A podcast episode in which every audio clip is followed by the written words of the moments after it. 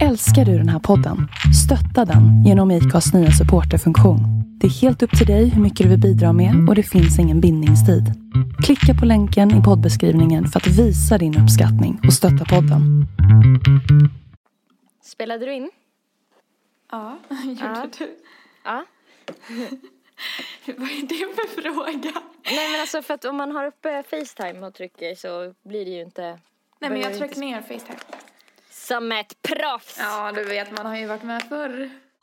Om folk är så här härskiga av sig så kanske de inte ska lyssna nu för det här är ju typ härskartekniker. Så jävla bra nu när jag tänker efter. För om jag köper en present till Svalle, då, alltså när jag köper presenten då älskar jag honom så himla mycket. Om du ligger ner och har sex eh, så kommer... Eh, då kommer ju ditt kön åldras långsammare än ditt huvud. Båda vill stoppa upp en frilla. Exakt samtidigt också. Eh, hur mår du Nelly? Vi har ju inte pratat någonting innan, vi brukar ju typ göra det Mm. ändå. Nej men eh, jag, mår, jag mår bra. Vi har ju inte Ja. hört så mycket de senaste dagarna känns det som. Nej, du har ju varit en liten eh, grottmänniska. Ja, eh, jag har verkligen levt som en eremit de sista dagarna nu innan deadline för min kandidatuppsats. Ja. Alltså det har varit helt sjukt. Det har varit liksom en ny nivå av eh, så här, pluggande. Alltså eh, av lidande i pluggandet också framförallt. För att förut har jag ju haft uppsatser och deadlines och man har suttit uppe sent på natten. Och liksom ändå lyckats lämna in och så här. Men nu var det verkligen så här. 3000 ord kvar! Ah, Kändes det, hur känns det nu då? Du är klar. Du är Alltså- liksom klar med din utbildning. Eh, Woo! Applåder! Jag eh, känner mig så jävla glad. Alltså för att först, typ precis när jag hade skickat in det så ringde jag upp min kille och bara grinade. Nej. För att jag var så trött typ. Så jag låg så i fosterställning i sängen och grinade. Är det sant? För att jag typ eh, hade suttit uppe till halv sex på morgonen och skrivit. Och sen så hade jag ju sagt åt dig att ringa mig på morgonen så du ringde mig vid tio. Och såg till att jag klev upp och fortsatte skriva. Ja. Typ jag, jag åt frukost men sen under hela dagen så typ åt jag knappt någonting för att jag hann inte ta någon paus. För att jag Nej, var tvungen att skriva typ en, nästan ända fram till, alltså jag lämnade in med en timmes marginal. Och då har jag vetat om att jag ska göra den här uppsatsen i ett år. Åh fy fan. Förstår det blir du? alltid så. Att Alltså, summera så här, ett halvårs skolarbete. Alltså jag vet knappt vad jag har skickat in. Det känns typ så. För att det är så Men alltså många jag tycker sidor. alltid det är typ. sådär. Det spelar typ ingen roll hur mycket tid man har på sig. Man gör ändå det i sista sekund. Ja, prokrastinerar det liksom. Det bara Äh. är så. Ja, och jag menar, jag vet ju att det var flera, eller de flesta i min klass var, hade ju på samma sätt liksom. Mm. De led ju också på slutet. Ja men vad skönt. Vi det är i alla- alla fall skönt när andra också lider typ. Ja, ja nej men så för jag tyckte jag hade suttit uppe länge när jag satt uppe till halv sex men Mm. en klasskompis till mig hade suttit uppe till åtta. Nej. Och en annan klasskompis hade suttit uppe till, eller så här, senast de hade pratat, jag fick höra det genom en annan. Så att hon fortfarande och skrev vid nio. ja, alltså förstår du, på morgonen. genom hela natten. Och det var så, det var så sjukt för jag typ, eh, jag har precis lärt känna en tjej eh, som går eh, på skolan, gick ut. Ehm, och som jag träffade på pendeltåget häromdagen och då berättade jag typ så här, "Ja, jag är så lättad nu för att nu ska jag åka och lämna in. Och då berättade hon om när hon lämnade in sitt examensarbete i engelsk litteraturhistoria. Och då hade hon skrivit 10 000 ord. Vilket, vad kan det motsvara, kanske 50 sidor eller någonting? Jag vet inte riktigt exakt. Och hon hade prokrastinerat så mycket så att hon skrev den på 48 timmar. Utan uppehåll, bara korta pauser för att typ Oj. äta eller gå på toaletten. Alltså fy fan vad sjukt. Jag tycker, alltså när man väl sitter där. Alltså det där gjorde jag i gymnasiet. Ja. Då, då blir man ju alltid först och främst så himla sur på sig själv. Ja. För att man har satt sig själv i den sitsen att man måste sitta och typ ha hjärtklappning i två dygn liksom. Men jag tycker också att när man märker typ hur mycket man faktiskt klarar av, att man kan sitta 48 timmar med bara ät och kisspauser. Alltså då, då blir jag också så här, men gud, jag hade ju verkligen kunnat gjort det här i tid om jag hade velat. För att Ja. uppenbarligen så Och kan gjort det så mycket bättre. Typ Ja. också för att Eh, Ja, exakt som du säger också det här med att ta tag i saker. Jag menar om man kan pressa sig själv till att sitta upp i 48 timmar och bara skriva och använda hjärnan liksom hela den tiden. Så borde man ju kunna pressa sig själv till att ta tag i saker lite tidigare. Då tycker man ju Ja, att den exakt. grejen borde vara... Men det är väl att hotet inte är lika eh, verkligt. Alltså, Nej. Det är inte så nära i tiden så det känns inte så här, det känns inte på samma sätt som det gör när man bara, nu är det ett dygn kvar. Nej, och så länge Alltså- man kan hitta utvägar så tar man ju dem. Ja, de här sista dagarna, jag kunde ju också verkligen ha planerat bättre. Eh, för jag satt ju fyra dagar i rad. Alltså jag satt ju inne hela helgen. Jag skulle egentligen typ ha träffat folk och hängt typ med min kille och sådär. Jag var tvungen att ställa in allt.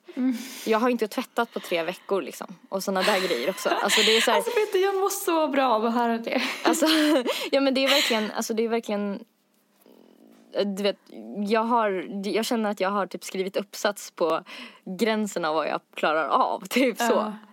Men fan vad grymt att du klarar det ändå. Eller jag vet ju inte om jag har fått godkänt men jag lämnade i alla fall in.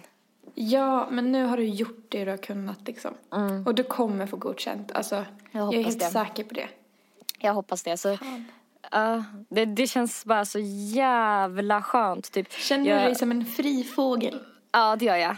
Och jag känner mig också så som att typ så här nu Nothing can stop me now. Fan vad nice. Ja, alltså jag känner mig verkligen så här, eh, typ, för jag var hos min psykolog igår. Och då var hon bara, hur mår du? Jag bara, jag mår jättebra! och det, hon bara, ja, så pratade vi om, om eh, hur jag brukar kunna känna att saker är så här oöverstigliga ibland. Alltså man är så här, står inför någonting. Och jag kände ju typ innan den här utbildningen att jag bara knappt förstod vad den gick ut på. Att jag bara, det här är så komplicerat, jag kommer aldrig klara det här. Det är typ inte ens en idé att jag försöker och typ så här, "Ah, ja nu ska jag ändå försöka men jag vet inte om jag kommer, alltså du vet jag var så här rädd innan. Och sen så bara, är det så häftigt när man typ har gjort någonting som man bara, men det gick ju. Och då, då hände det alltid en grej i mitt huvud att jag bara, ja ja men om jag klarar det då borde vem som helst kunna klara det. Då var det säkert inte så svårt. Så men direkt det där efter. är så jävla typiskt att man ska hålla på så. Ja, och tänka att så här, ja men om jag klarar det så kan typ en apa jag också göra det. Då var det säkert inte så svårt så här. Nej, som det kändes typ. Nej. Men, eh, Men men, det klart ja. det var. Vad fan. Så pratade vi lite kring den känslan och typ hur man ska göra för att så här, försöka ändå påminna sig om hur det kändes innan. Typ. Mm.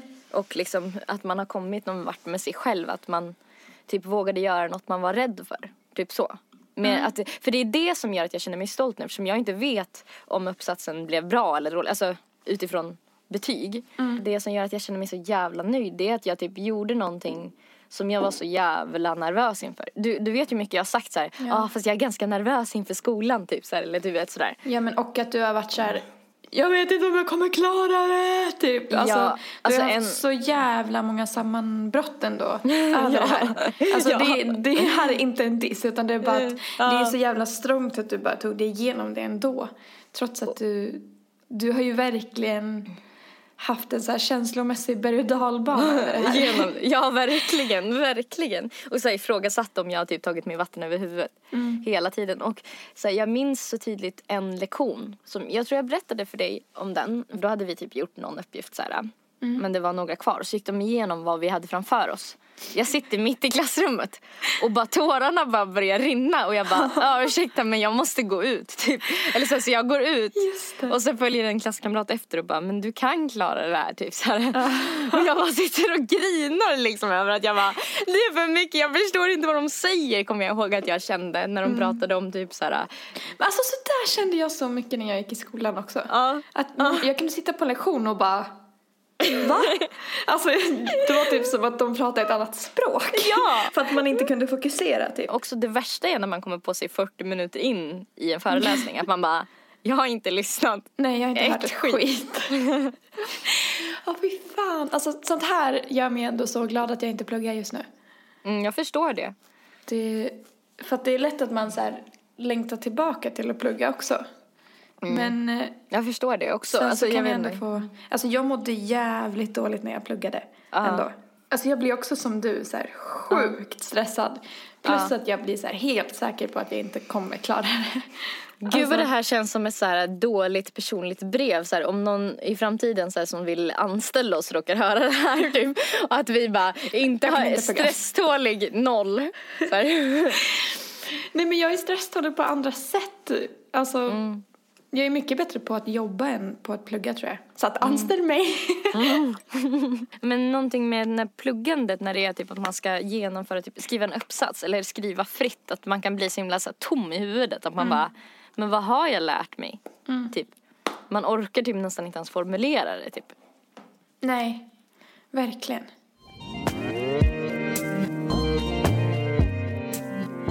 Men på temat förresten så har, hittade jag en liten rolig grej på likat.se Ja. som är, heter 13 psykologiska knep du kan använda om du vill härska över världen. Ja, bra. För jag tänker att det kanske är nästa steg nu när du har blivit klar med pluggandet. Nu ska jag ta över världen, nu har jag du liksom hybris. bemästrat utbildningen, nu måste du bemästra världen. Ja, all right. Jag är Och- redo.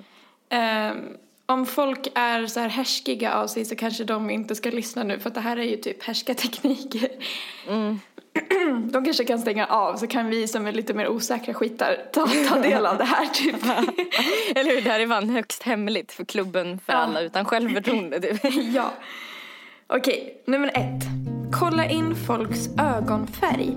Alltså några av de här kanske man redan vet men det kan ändå vara bra så här för vad man nu än ska Det här göra. låter jättespännande. Varför ska man kolla in ögonfärgen? När du träffar någon ny för första gången, ta en sekund extra för att registrera vilken ögonfärg personen har. Det kommer upplevas som att eh, du har en stadig blick och att du ger någon uppmärksamhet, vilket kommer uppskattas. Så att då kan man typ, om man har svårt för ögonkontakt, fokusera på ögonfärgen istället. Ja, istället för att bara, åh nu har vi ögonkontakt. Ja, Typ. och typ shit jag måste hålla kvar blicken, jag måste hålla kvar blicken. Det har jag fan problem med. Jag ska börja köra på det. Nummer två, tänk på hur folk står.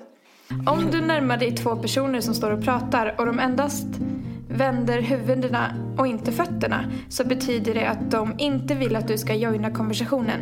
Om de däremot öppnar upp sitt kroppsspråk och vänder sina fötter mot dig så är du välkommen. Men fy fan, vadå? Det var inget tips. Det var mer bara så här. Fast jag, jag har en grej på det där. För jag, jag har ju läst den här boken Härskartekniker av Lin Bergqvist. Och eh, i den så eh, pratar man ju också en del om, om eh, kroppsspråk. Och, Ja. typ, och också Alla får ligga. Den boken har jag också läst.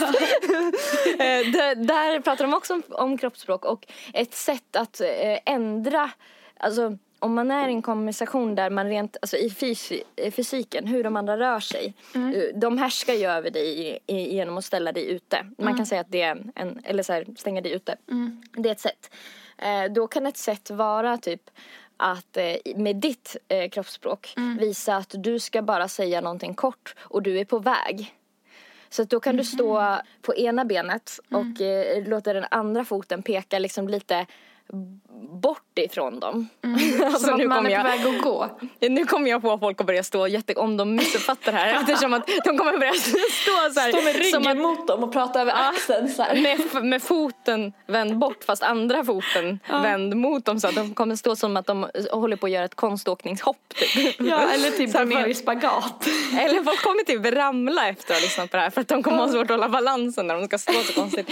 Nej men jag tror att folk fattar vad jag menar. Att ena foten ska peka typ så här eh, lite bort ifrån. För då, då indikerar man att man är en person som bara ska säga något kort och då kan man väcka den andra personens intresse i och med att man bara hon verkar viktig för hon eh, stannar till i farten typ.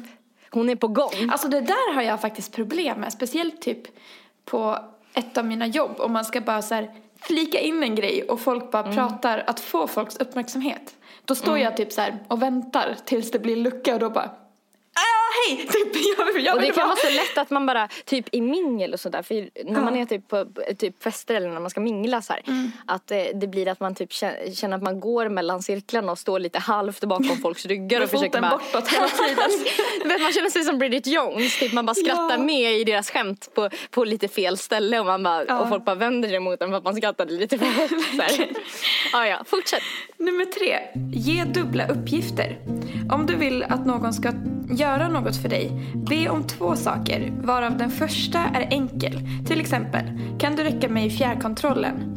Enkelt. Och sen, kan du göra en macka åt mig när du ändå är i köket? Lite jobbigare, men på så sätt är chansen större att det blir gjort. Ja men det där fattar jag verkligen för det blir ju som att man fuckar lite med deras hjärna att man banar vägen för att jag vill hjälpa den här personen eller det är enkelt att hjälpa Nelly.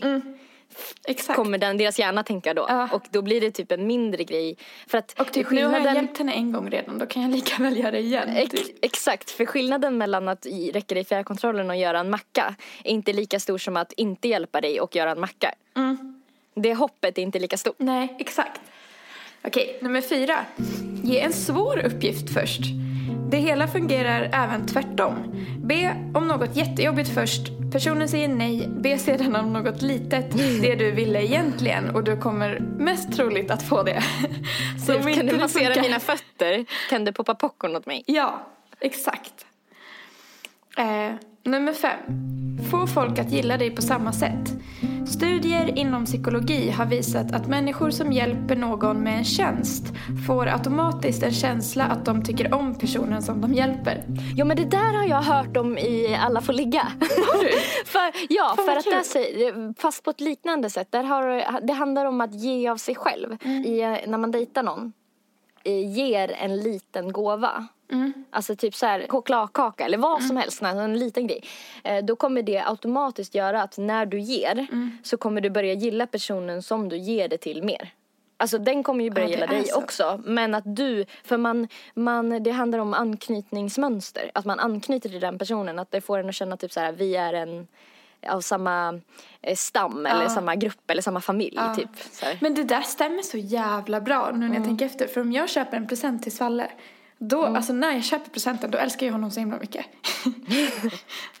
Sen när han får present, nej jag skojar. Då blir jag sur för att jag inte får något tillbaks. nej. nej men det stämmer faktiskt. Nummer sex, våga tystnad. Om du ställer en fråga och bara får ett halvt svar tillbaka, våga vara tyst och vänta på fortsättningen istället för att fortsätta prata. Det där tycker jag är ett bra tips för det, det låter som att det borde funka och det låter som en grej som jag borde träna på. Jag tror att det utstrålar självsäkerhet också. Mm, det tror jag också. Mm, verkligen. Det där är någonting, för jag genomförde ju några intervjuer för, mitt, eh, för min uppsats.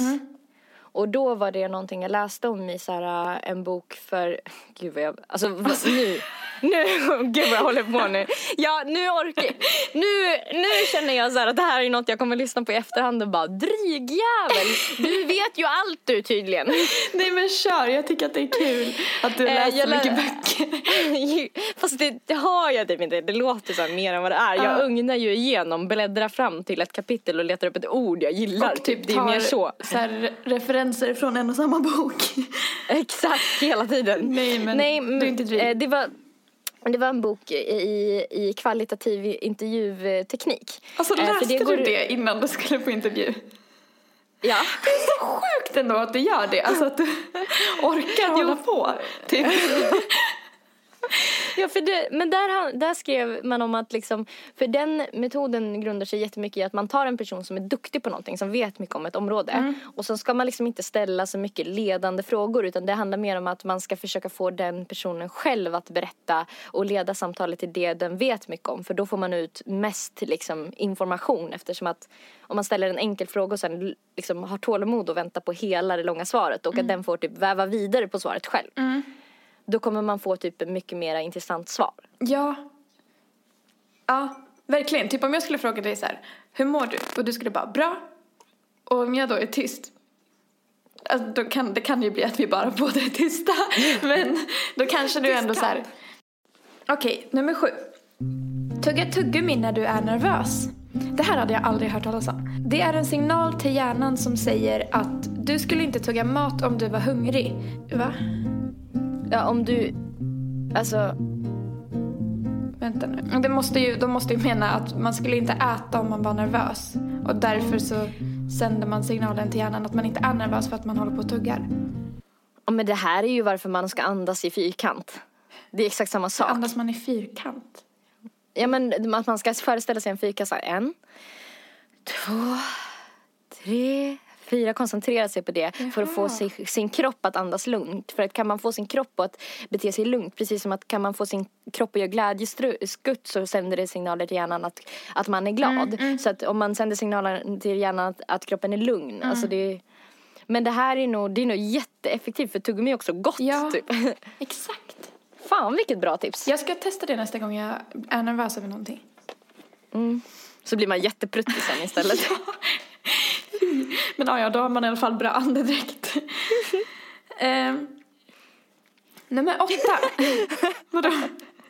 Nej men man har bra andedräkt men man, det luktar jättemycket prutt runt den. Så här, men man har i alla fall bra andedräkt. Ja, men det ena kanske väger ut det andra, typ. Eh, nummer åtta. Lär dig snabbare genom att lära. Om du pluggar till ett prov så är det bästa sättet att lära sig eh, att förklara det hela för någon annan. Så välj ut en kompis och plugga tillsammans. Alltså att man lär sig själv genom att lära någon annan. Det här motbevisar ju tesen om att man ska plugga med någon som är smartare än själv. Man ska alltså plugga med någon som är mer, men Men vet du, det gjorde jag. Det gjorde jag fan i... Jag skrek, men jag behöver inte säga vem. Jag Nej. pluggade mycket med en eh, person i grundskolan Mm. som jag ofta hjälpte. För hon hade lite problem att läsa själv så då brukade vi så läsa högst tillsammans. Och då lärde Mm. jag mig också för att jag skulle ha prov på samma sak. för då anstränger man sig också mer. Eller den personen lärde sig ju säkert eh, mer än om din, ni inte hade pluggat alls. Men jag menar din utvecklingskurva var säkert mycket snabbare. Ja, säkert. Eftersom att du fick lov att verkligen engagera dig. Ja. För att sitter man bara tyst och lyssnar på någon så lär man sig ju inte lika mycket som om man pratar det och typ Nej. använder kroppen i att förmedla det typ också. Exakt. Det är nog jävligt bra. Eh, nummer nio. Folk kommer inte ihåg vad du sa. Men de kommer ihåg hur du fick dem att känna sig. Så tänk Ja. på hur du uttrycker dig. Gud vad bra. Det där är så jävla sant ju. Det Ja. vet man ju redan men det, det är ändå bra att påminna sig för att ja, sitter vi här och har en podcast liksom. Bara, men kommer ni ihåg vad vi sa? liksom, eh, se, sedda och liksom, eh, typ Mm. omhändertagna kanske. Och uppskattade tror jag. Jätte, alltså att känna sig uppskattad. Mm. Att man typ ställer mycket frågor om dem istället för att berätta jättemycket om sig själv. Det är ju också en sån här jättegrundläggande raggningsmetod. Att Mm. fråga mycket. För att de kommer ju ändå inte komma ihåg vad du jobbar med. Eller så här, i detalj. Nej. Det de kommer mer komma ihåg så här, fan vad jag kände mig sedd och liksom Ja, uppskattad. Trevligt vi hade typ. ja, precis. Ja. Nummer 10. Inför en jobbintervju. Tänk att du känner personerna redan. Det är lätt att bli nervös när man ska på intervju för ett nytt jobb. Men ett knep är att tänka att du känt personerna du ska träffa i hela ditt liv. Att det är en gammal kompis du ska träffa på nytt och att det ska bli jättekul. Det går ofta att lura hjärnan på det sättet och du blir lugnare. Det kan jag behöva ta till mig för jag kanske, om jag har tur, kommer få gå på jobbintervju. Ja, åh, spännande.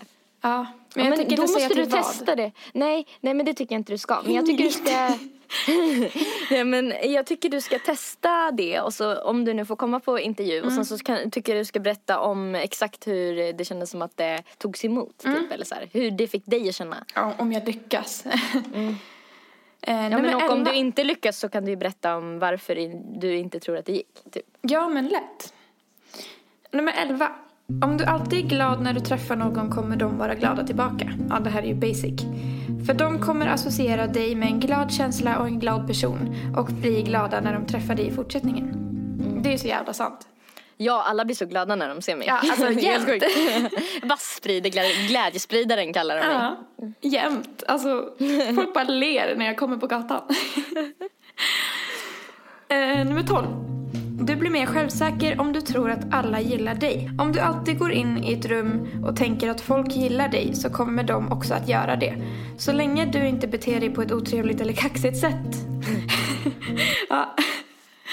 Det är så smart att inte göra det. ja. Nummer 13. Kom ihåg namn.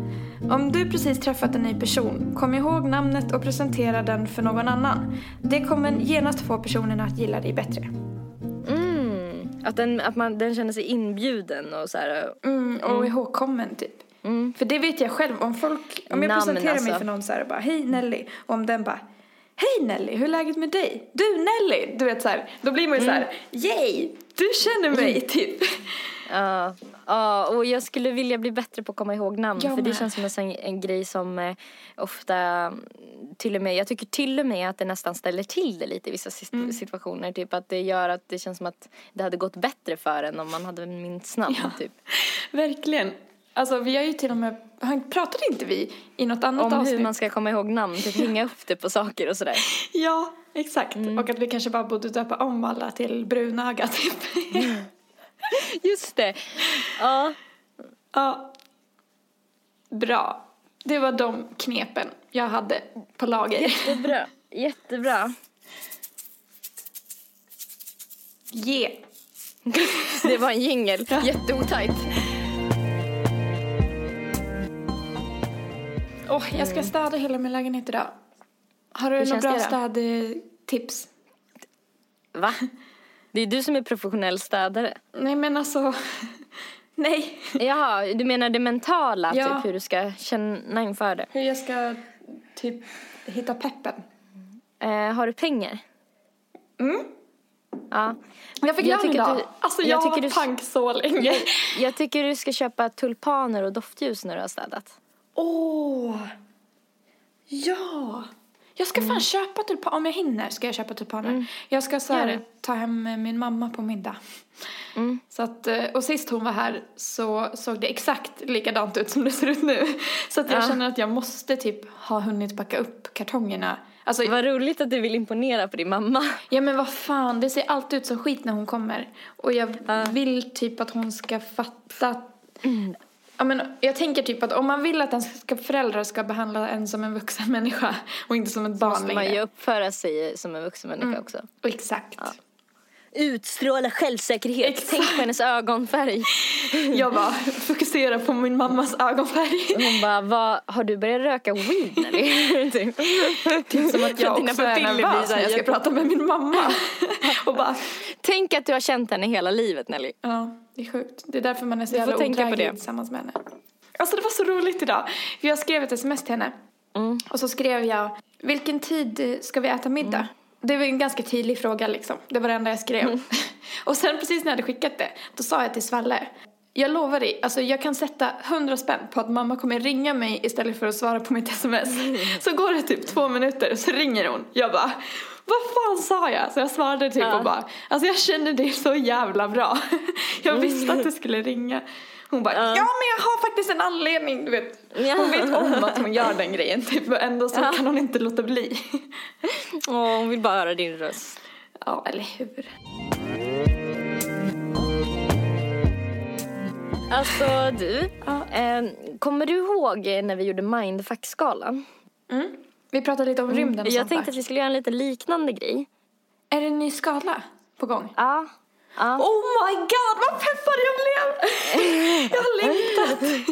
Det är några grejer som jag tänkte vi skulle prata om och så ska vi se hur, hur vi känner inför det, alltså hur svårt vi har att omfamna den eller få in den tanken. Och det är, den här skalan är om filosofiska tankeexperiment. Okej. Filosofskala. Filosofiska tankeexperiment, det är typ så här som jag har förstått det då, är typ så här ibland kan det vara att man försöker förklara så här fysiska fenomen med att man tänker fram svaret. Till exempel så här när det handlar om saker vi inte kan se.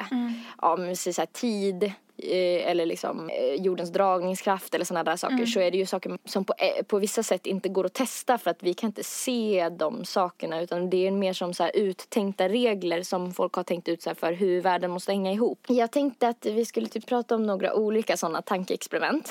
En grej som jag själv har typ tänkt på Eh, jag tror att jag har snappat upp det från lite olika håll, typ så filmer och grejer. Är det här med eh, alltså så här dimensioner, så här verkligheten och sånt där. Okej, nu har vi tankeexperiment nummer ett. Vissa personer kan ju så här förnimma bilder från platser så här flera hundra år tillbaka. Typ, de kan se typ hur det såg ut på platser. Att man, man kan se så här, ja här var det en bondgård. Eller du vet så här, de kan komma till platser och bara se en hund komma springande och så visar det sig att den familjen hade exakt en sån hund. Typ som att den är synsk. Mm. Och då tänker jag typ att eh, platser Alltså den personen kan vara synsk och liksom ha en ökad känslighet tänker jag. Men också att eh, platser kan ha minnen. Alltså att, att, att, att platsen kan minnas saker och sen att, man, att det spelas upp som en filmsnutt från den platsen. Och när, det, när jag hör om sådana grejer då brukar jag tänka att eh, eh, tiden inte är linjär. Just det. Alltså Ja.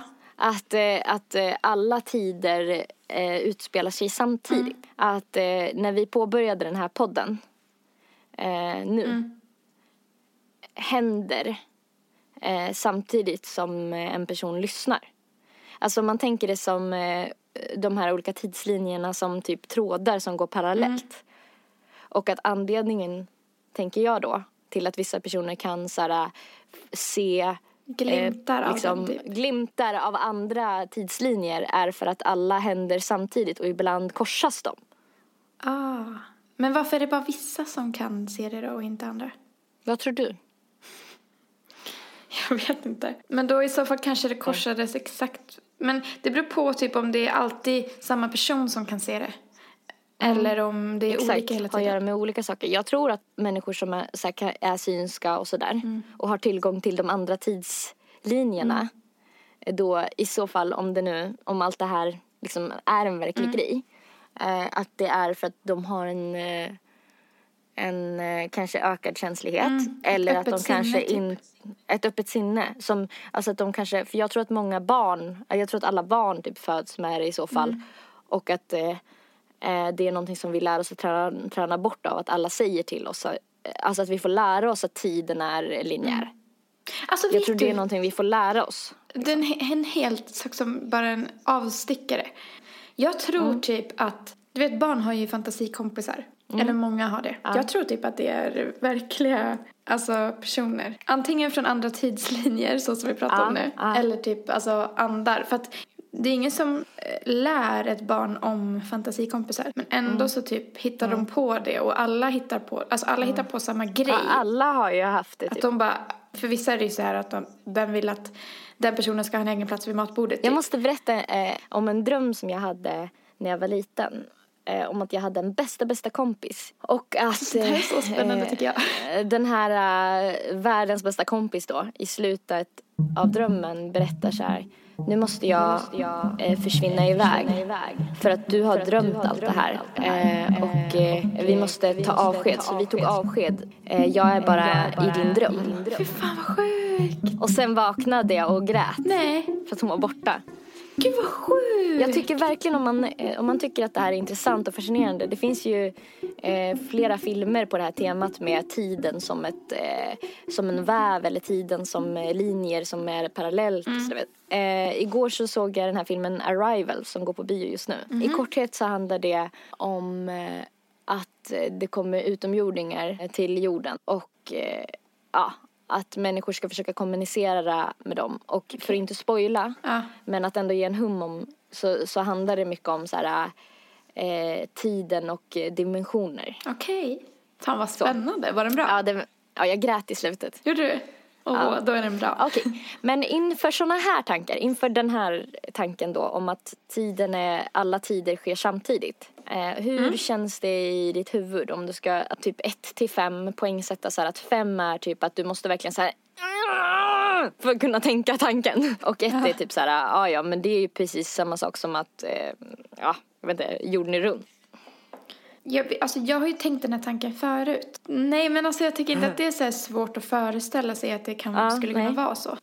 Alltså jag typ lite vill att det ska vara så. På något sätt. Så att kanske en tvåa, det är ju sjukt liksom. Men Mm. det, jag kan ju verkligen föreställa mig det för att man har tänkt på det förut liksom. Jag tycker nog tycker du? tre. Okej. Någonting som jag tänkte på och som vi har pratat om förut. Det är typ så här, finns konst om ingen får ta del av den? Filosofskalan. Det finns ett eh, klassiskt eh, gammalt tankeexperiment som du säkert har hört talas om. Eh, jag tänkte jag ska läsa på Wikipedia för jag tycker de hade sammanfattat det ganska bra där. Om ett träd faller i skogen men ingen hör det, gör det då något ljud? Det är alltså ett klassiskt filosofiskt tankeexperiment för att ställa frågor om verklighet och objektivitet. Och det är, ja, eh, man, man tror att det är alltså att de här idéerna kom eh, från en filosof som heter, heter George Berkeley från Storbritannien. Mm. Händer någonting om ingen ser det? Mm, jag, vet, jag har hört det talesättet förut, så här, om ett träd Mm. faller i skogen och ingen har sett det eller hört det, har det då fallit? Jag blev lite nyfiken på vad folk liksom, typ hur folk resonerar kring det här. Ja. Eh, Så jag hittade ett eh, filosofiforum där man pratade om det här. Filo- filosofiforum.se. Jag tänkte jag, jag kan läsa lite av början på vad den här personen, typ första som startade länken. Om ett träd faller i skogen och ingen är där, hörs det då? Så här ser jag på den frågan, som jag alltså här uppfattar rent bokstavligt. Först måste vi definiera ingen. Det räcker ju inte med att säga att man menar ingen människa. För många djur har ju också hörselsinne. Vad som menas måste alltså vara ingen varelse med hörselsinne. Härnäst, vad menas med hörs? Menar man det vi vanligen menar att något uppfattas av ett hörselsinne är ju svaret på frågan ett givet nej. Det finns ju ingen varelse med hörselsinne där. Men om man menar uppstår något ljud då? Då blir svaret ja. Trädets fall, eller snarare dess kontakt med marken i nedslagsögonblicket, skapar vibrationer i den omgivande luften. Vibrationer som ett hörselsinne skulle uppfatta som ljud. Men som sagt så finns det ju ingen varelse med hörselsinne där. Alltså uppstår ett ljud men ingen hör det. Men hur kan vi veta att det uppstår ett ljud? För att besvara den frågan korrekt måste vi ju först definiera veta. Och åtminstone enligt min åsikt har det det bevisats både av vetenskapsmän och filosofer att vi aldrig ens i princip kan veta någonting med absolut hundraprocentig visshet. Med undantag möjlighet för vissa logiska och matematiska axiom. Eh, men sånt är det ju inte frågan om här. Så med den definitionen av ordet veta eh, måste vi svara att vi aldrig kan veta att något ljud verkligen uppstår. Så här, så vitt vi människor känner till och så vitt vi kan begripa efter säkerligen åtminstone ett par hundratusen års erfarenhet uppstår alltid ljud av något slag när ett träd faller i skogen. Givet finns det ju en atmosfär som kan förmedla vibrationer. Vi kan inte heller på något sätt föreställa oss hur det skulle kunna inträffa att trädet faller utan att något eh, hörs. Det vill säga inte ens det allra svagaste lilla prassel. Med den definitionen kan vi tryggt säga att det säkerligen uppstår ett ljud, även om ingen hör det. Hur ska då frågan besvaras? Men då är det ju liksom Ja, ingen mystik försöker- med att om ett träd faller så uppstår det kanske inte ett ljud, för det gör Ja, ju det. Då. Men vi säger att det, men det här är ju bara en persons tankar. Mm. Men, Men om, man, men om, man ska, om vi ska liksom. försöka få oss själva att tro då att det inte uppstår något ljud. Vad skulle man kunna säga, hur skulle man kunna förklara det i så fall? För jag funderar Alltså, jag på om, om det kan vara så här... Ja, om ingen utan hörselsinne är där, alltså ljud är ju på något sätt, eh, det är ju, de har ju rätt i att man måste typ så här bestämma sig för vad man tycker att ljud egentligen är. Människor menar ju att det är förtätningar och förtunningar av luft, typ. Att det, det är en ljudvåg. Och sen som sen tolkas i vår hjärna, alltså typ som språk. De pratar, det skulle bara vara, alltså om vi inte kan språket så Ljud. är det ju mer bara ljud. Ja. Och sen så tolkas det till någonting, det översätts. För att vi översätter ju typ så här, om vi hör ett ljud falla i skogen så översätter vi det till så här till, ja, ett brak, det där är ett typ. träd. Ja, precis. Men, men om det inte finns någonting som kan tolka Alltså jag bara tänker så här, vad är då poängen med ljud? Eller så här, jag vet inte, det kanske inte behöver finnas någon poäng men typ så här det blir ju väldigt så här att man funderar över vad ljud egentligen är. Ja, om ljud är det som händer i vårt huvud eller om ljud är det som händer rent fysikaliskt. För att om det inte, skulle vi kunna känna, för man kan ju känna ljud också som vibrationer, typ som vissa djur gör. De kan känna i marken när någonting kommer eller så här, du vet sådana här Mm. Ja, saker. Det, Eller hur? Det är jävligt sjukt. för att jag. är ljud ljud om ingen med hörselsinne, det är, eller är det vibrationer snarare? Mm. Typ, alltså så här, det är sådär blir jag börjar tänka. Jag vet inte fan. ja, men vi, Ja, jag vet inte. Det är jävligt flummigt. Eh, Jag kollar vidare om någon har svarat någonting som kan få oss att typ tänka på något annat Ja. sätt. Bara. Det är ju ingen som säger liksom, för det var därför jag tyckte det varit så intressant att fundera över typ så här hur man skulle, alltså eftersom frågan är ställd så måste ju vissa ändå hävda att eh, det inte låter. Alltså men de flesta verkar svara att det låter. Men jag menar, jag funderar liksom, det, anledningen till varför jag vill prata om det är för att försöka förstå hur de som tänker att det inte låter, hur de tänker. Ja, eller hur? För att jag kan också bara tänka att det ändå låter. Mm. Alltså för att, ja, jag kan inte liksom tänka varför skulle Och det det inte kommer vi låta? typ aldrig få veta heller för att så länge det är någonting där som kan uppfatta ljudet. Alltså vi, vi, vi skulle kunna spela in det men det är fortfarande, det blir fortfarande någon, eh, någon, någon som kommer att uppfatta det typ. Ja men för att det var det jag tänkte också så här, men på, jag började tänka så här, ja men på en naturdokumentärer där de har en drönare eller vad det nu är, hur de nu filmar, Mm. så hör man ju naturljud liksom. Jag tänker när du berättade för mig om när du eh, lämnade din hund i bilen eh, när ni skulle handla på Ikea. Ja, vi lämnade Och honom eh, eftersom hemma. att Hemma? Ja. eftersom att ni inte ensamhetstränat honom så ville du veta hur, eh, hur han skulle reagera Mm. så att du satte igång en inspelning. Vad hände? Ja, han skällde konstant. Men det Mm. hade ju inte jag vetat om inte jag hade spelat in. Om vi säger så här, eh, om eh, Loke inte hade någon hörsel eller känsel Ja, min hund så att alltså. han varken Ja, din pojkvän. Nej men och eh, därmed inte kunde uppfatta varken vibrationer av ljud eller eh, ljudet eller ja, lju- ljudet av ljud. Vad konstigt. ja, eh, och han skällde och du inte skulle ha spelat in. Skulle han då ha skällt? Skulle, ha, skulle det ha hänt liksom om han inte ens visste om det själv?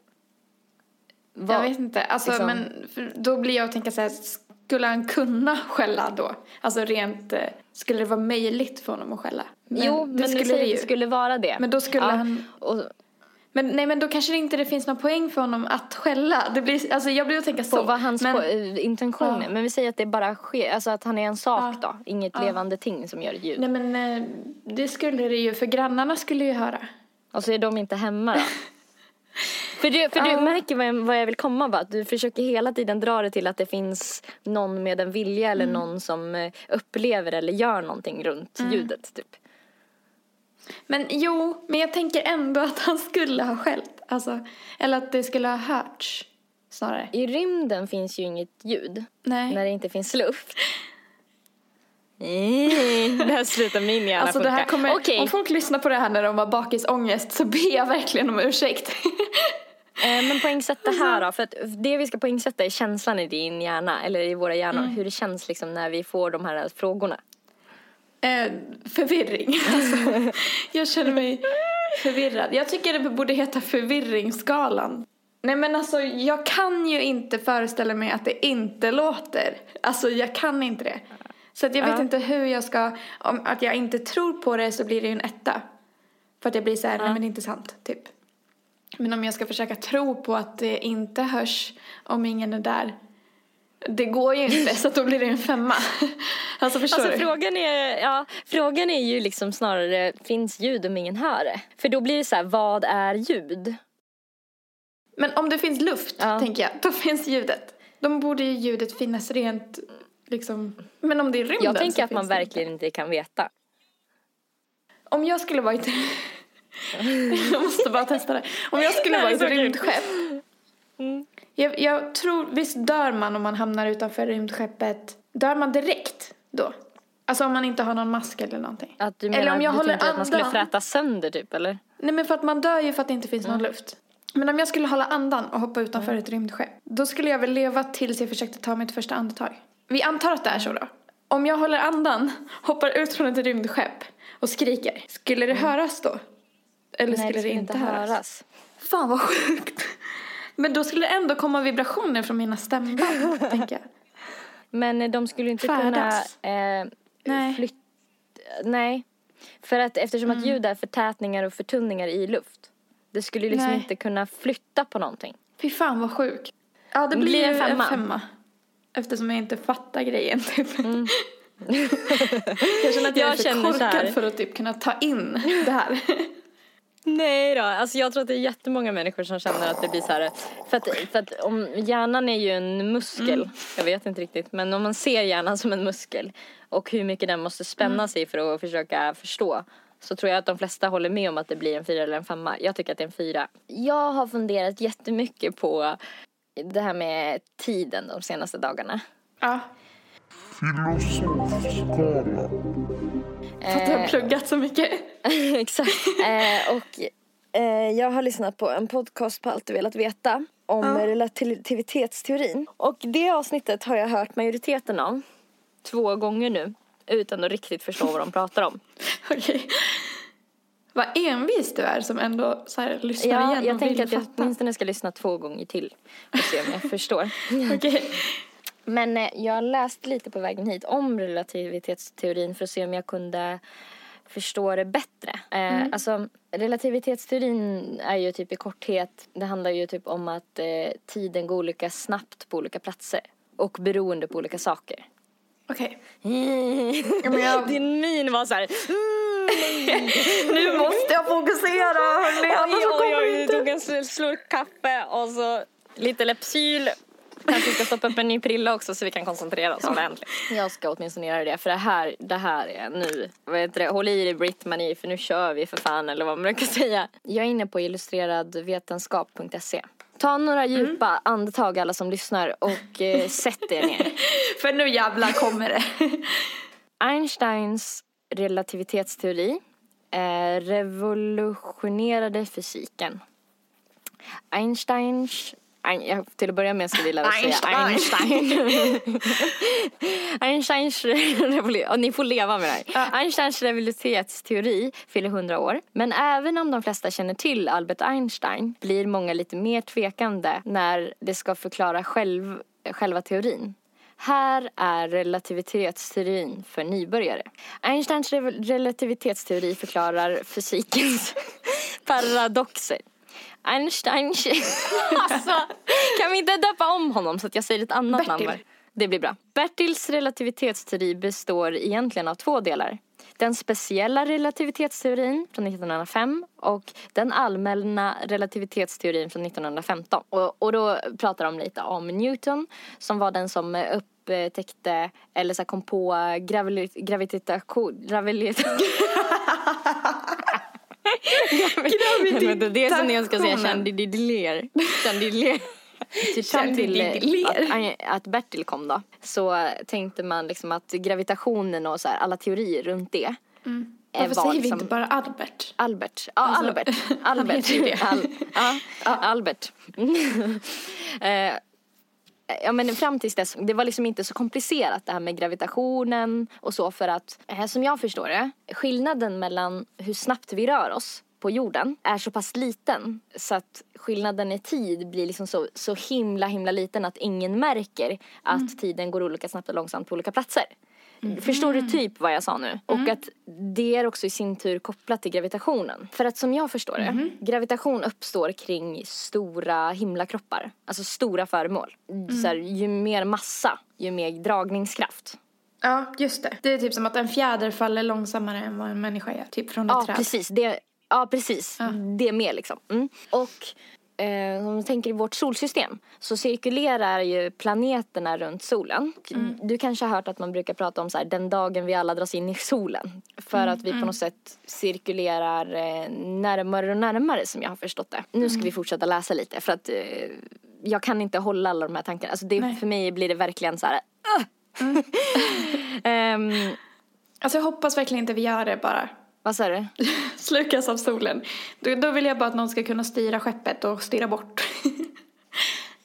Eh, I alla fall, poängen med så här, relativitetsteorin det var att den eh, förenade de tre eh, som man hade tidigare grundläggande teorikomplexen. Alltså gravitationen, eh, elektrodynamiken, vet inte exakt vad det är, och eh, termodynamiken som jag har stenkoll på.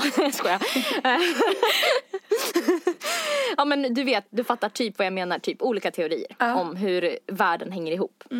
Eh, sen så när Einstein kom med den speciella rel- relativitetsteorin så kom han på att luft kunde ombildas till massa och tvärtom. Eh, Det här har att göra med att eh, energi kan ombildas till massa och att massa kan utvinna energi. Precis som att om vi bränner olja, då får vi energi. Så att vi kan färdas.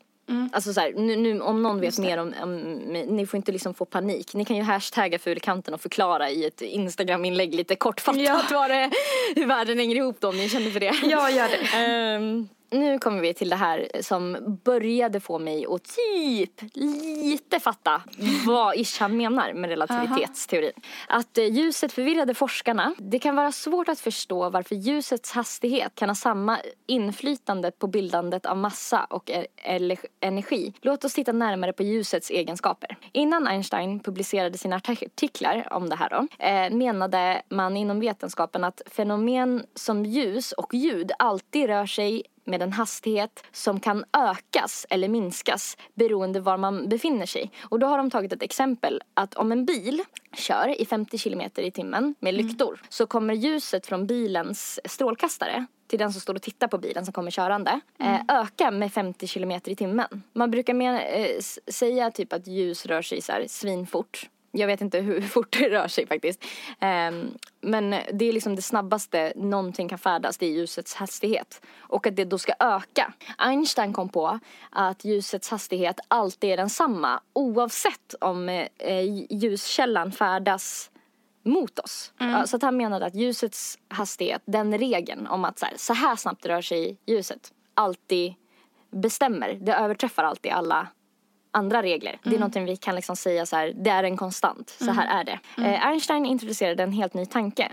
Nämligen att ljus alltid rör sig med samma hastighet. Helt oberoende om, om det skickas ut från en punkt som rör sig eller ej. Einstein föreslog dessutom att på grund av ek- elektriciteten eh, alltid skjuts framåt av den magnetism som uppstår kommer det gå snabbare än alla som följer den. Ljudvågor hoppar iväg med den ultimata fysiska hastigheten i universum. Jag förstod inte riktigt så det är helt okej om inte ni fattade det där heller. Nej. Och att eh, det här som jag sa tidigare, massa är stelnad energi. Man kan liksom utvinna energi ur massa. Tiden är relativ. Att ljus har en konstant hastighet eh, påverkar också vår förståelse för tid. När två rymdfarkoster skickar ut en ljusglimt mot jorden rör sig ljuset med samma hastighet från, samma, eh, rymdfarko- från rymdfarkosterna. Eh, men om den ena rymdfarkosten står stilla och den andra rör sig i samma riktning som ljuset kommer det vara skillnad på hur lång tid det tar att nå fram till jorden. Nu säger de typ tvärtom så jag fattar typ ingenting.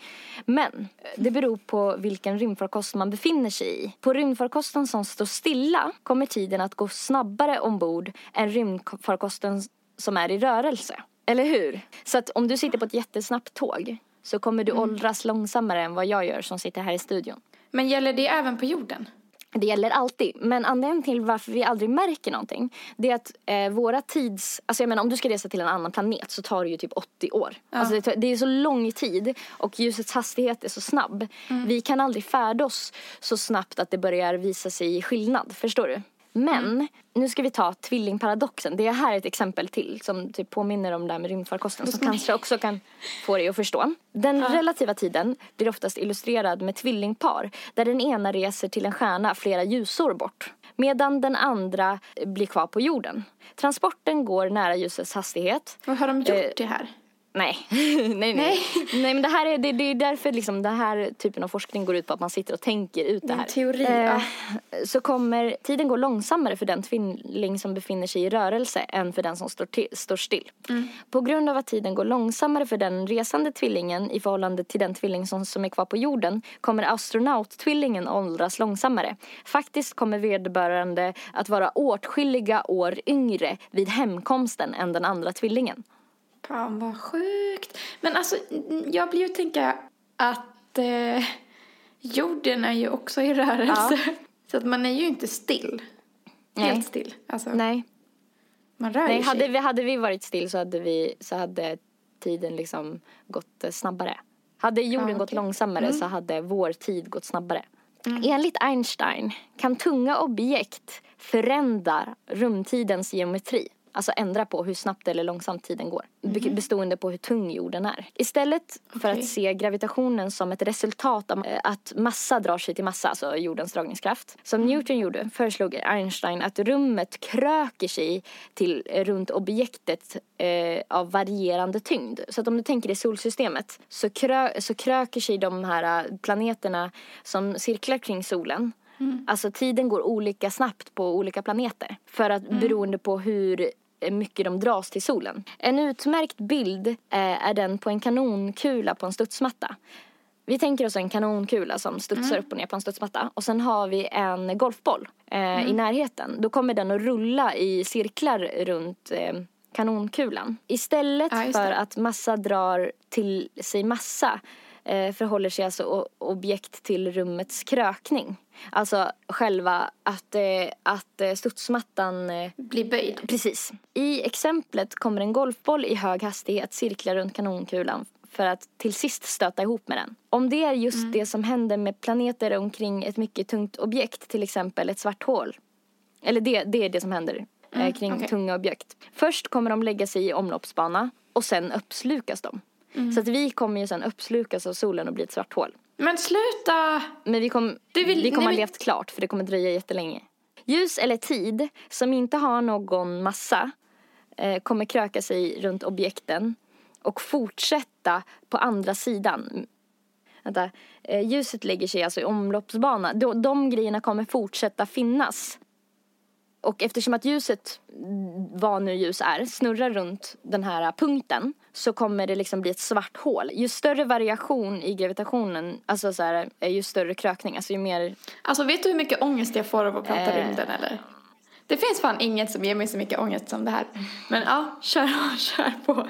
Här på jorden rör vi oss med alla samma hastighet som jordklotet och solsystemet kretsar. Därför känns det som att vi står stilla. Den variation som vi upplever när en person står stilla och en annan kör bil är så liten eh, att skillnaden i tid vanligtvis inte är något som vi upptäcker. Det som jag sa tidigare om det här med tåg. Så att det, det här som Newton sa innan på 1800-talet, det är liksom tillräckligt för att vi ska fatta hur jorden hänger ihop och allting. Men i rymden, där avstånden är stora och himlakropparna tunga och rör sig i hög fart i förhållande till varandra är sakerna emellertid en annan. Alltså där, där blir, det, blir det en skillnad. Och det jag skulle komma till, eh, sättet vi kan märka det här på. Ett exempel som de tog i den här podcasten som jag kunde greppa. Det var att om du står och väntar på tåg en bit bort så kommer tåget att komma fram till stationen samtidigt som du eh, ser från parkeringsplatsen att tåget kommer. Det kommer vara samtidigt. Men eftersom att det tar en stund för ljuset att nå dina ögon, alltså att du ska se det som händer där borta, så måste det finnas en skillnad i hur snabbt det går på den platsen mot förhållande där du står. Eftersom att det finns en diff i ljusgrejen. Ja, alltså att om jag skulle stå på perrongen så skulle det komma fram typ lite... Snabbare än Sen- om du står på parkeringen en bit bort. Liksom. Ja, Eftersom att tiden, ja, det tar en liten stund liksom. ja en Någonting som vi kan stund. märka det här på är också så här, äh, i våra smartphones. Eh, för att vi har ju GPS-mottagare där det hela tiden skickas information upp till satelliter om var vi är någonstans. Och den kan fastslås med några meters exakthet vilket gör att eftersom att det tar en stund för signalen att och liksom komma upp till satelliten och sådär. Skulle man inte ta hänsyn till att tiden går olika snabbt uppe på satelliten mot för nere där du håller i din smartphone. Alltså man har ju lagt in det i kalkylen med exakta siffror. Så att det ska liksom kompensera. För annars, vet du vad som skulle hända då? Då skulle vår eh, GPS efter en dag visa 11 kilometer fel plats. För att Ja, Vi inte skulle hinna Så med. att man måste liksom lägga in en siffra som så här, hjälper till att justera det typ.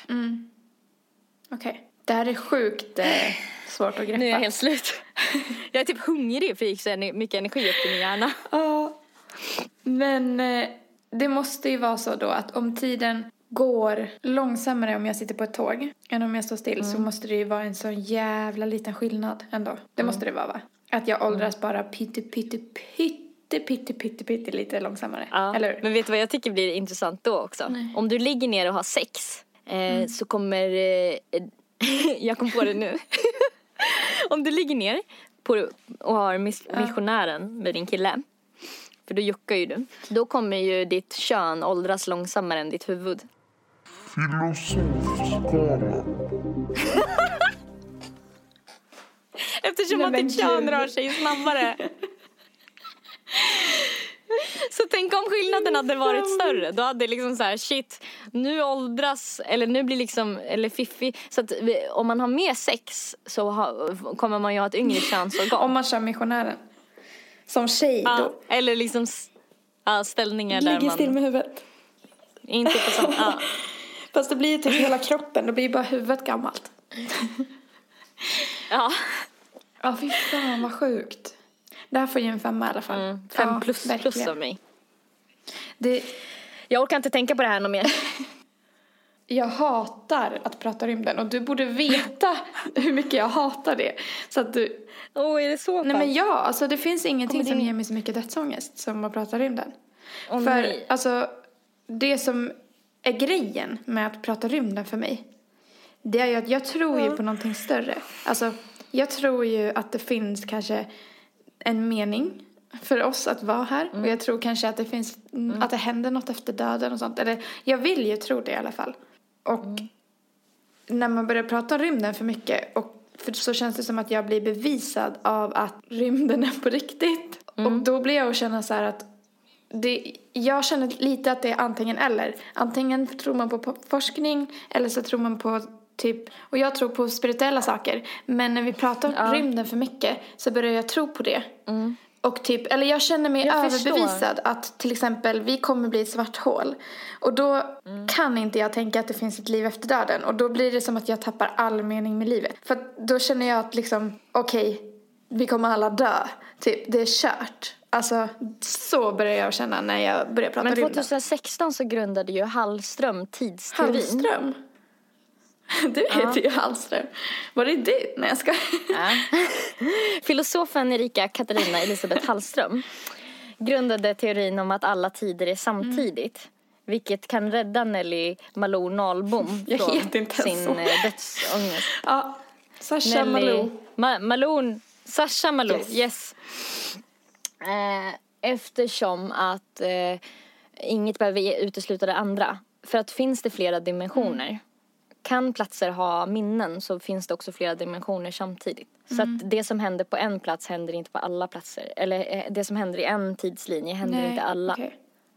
Förstår du hur jag menar? Alltså att det, även om det blir ett svart hål så kommer vi fortfarande finnas kvar. Eftersom att alla tider är Och- nu. Vi är ett svart hål, men vi är också här och vi är också före vi föddes. Och Ja, men också, och att typ, det finns ju inget bevis på att om vi åker in i ett svart hål så kommer vi ju dö. Och nu måste vi avsluta, så hur ska vi binda ihop det här då? Kommer det låta när vi åker in i ett svart hål? Ingen kommer ju leva. Det finns inget ljud i rymden. Jag vet inte, men Fast om det finns fler dimensioner så kanske det finns någon dimension där det finns ljud. och om vi träffar på rymdvarelser så vet vi i alla fall hur vi ska Mm. härska över dem med våra härskartekniker. Vi ska titta dem i ögonen och tänka att vi har känt dem hela livet. Ja, och fokusera på deras ögonfärg så löser sig allt. Ja, och tänk på att öppet kroppsspråk. Mm. Vi vill ju att de ska känna sig välkomna. ja. Och att vi ska bestämma över dem. Okej. Okej.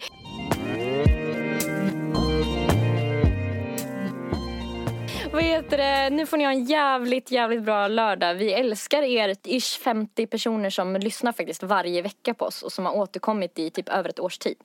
Alltså jag känner så mycket kärlek för, för er så att det är helt sjukt. Faktiskt.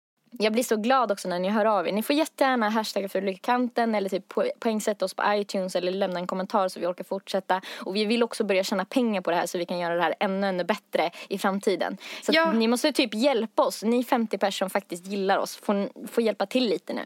Ja, så att vi kan fortsätta. Och Vi ja, vill verkligen hashtagga jä- jättegärna Fylla kanten på Instagram och skriv vad ni gör eller lägg upp en bild på vad ni gör när Ja, ni gör lyssnar. det. Gör det. Och vi undrar ju också som sagt vilka ni är och sådär. Mm.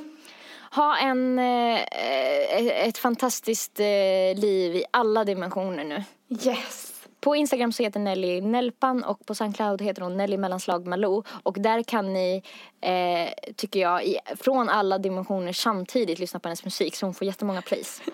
Ja, på Instagram heter Erika Zebratrack och på Soundcloud heter hon också Zebratrack. Och Zebra stavas med C och gå in och lyssna på hennes grymma musik. Du har ju faktiskt lagt ut en ny låt. Ja, Ska vi lägga in den i Wings. slutet? Ja, vi gör det. Den heter Vins. Den är producerad med icke-kommersiella ljud såsom vinglas, yogaboll, hund, skäll, vad mer? Eh, beatbox. Ja, Ja. kexätande. Eh, och jag har försökt göra en poplåt av de ljuden. Ni kanske kan höra vissa ljud om ni lyssnar riktigt noga. Ha, ha det bra nu. Här kommer den. Puss och kram, hejdå! This